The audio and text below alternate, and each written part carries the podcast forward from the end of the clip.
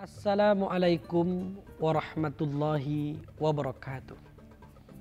Allah Subhanahu wa taala berfirman dalam surat Al-Maun yang berbunyi Fawailun lil musallin. Neraka wel tempatnya mereka yang mengerjakan sholat. Loh, kok bisa? Orang sholat kok dimasukin ke neraka? Sholat yang bagaimana? Alladzinahum an sholatihim sahun. Yaitu mereka yang waktu sholat sahun. Lupa. Lupa kalau dia sedang sholat. Tidak khusyuk. Itu terancam dimasukkan ke neraka wail.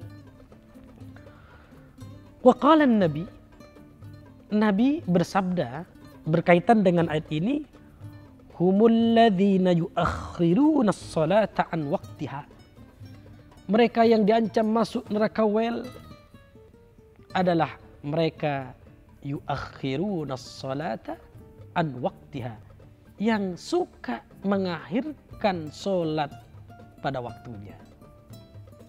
Sarib asar kumpul dengan maghrib. Subah subuh kumpul dengan duha. Lah ini haram hukumnya.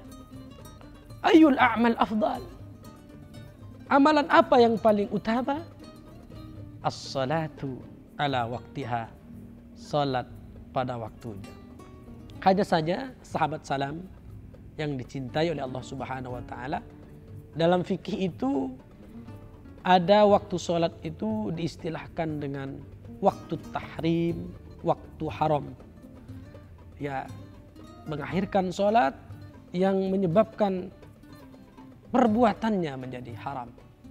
Oleh karenanya penting kita ini menjaga waktu dalam mengerjakan sholat. Sebagaimana yang dijelaskan dalam sebuah hadis bahwa salah satu amal perbuatan atau amal perbuatan yang pertama kali nanti ditanyakan oleh Allah as-salah salat fa in saluhat saluhalahu sairu amali jika amal salatnya bagus maka amal ibadah yang lain dianggap bagus. Wa in fasadat fasadalahu sairu amali. Jika salatnya suka diakhirkan suka ditinggalkan fasadalahu sairu amalih maka amal ibadah yang lain dianggap buruk. Mudah-mudahan Allah menguatkan kepada kita untuk terus istiqamah melaksanakan sholat tepat pada waktunya. Mudah-mudahan bermanfaat. Wassalamualaikum warahmatullahi wabarakatuh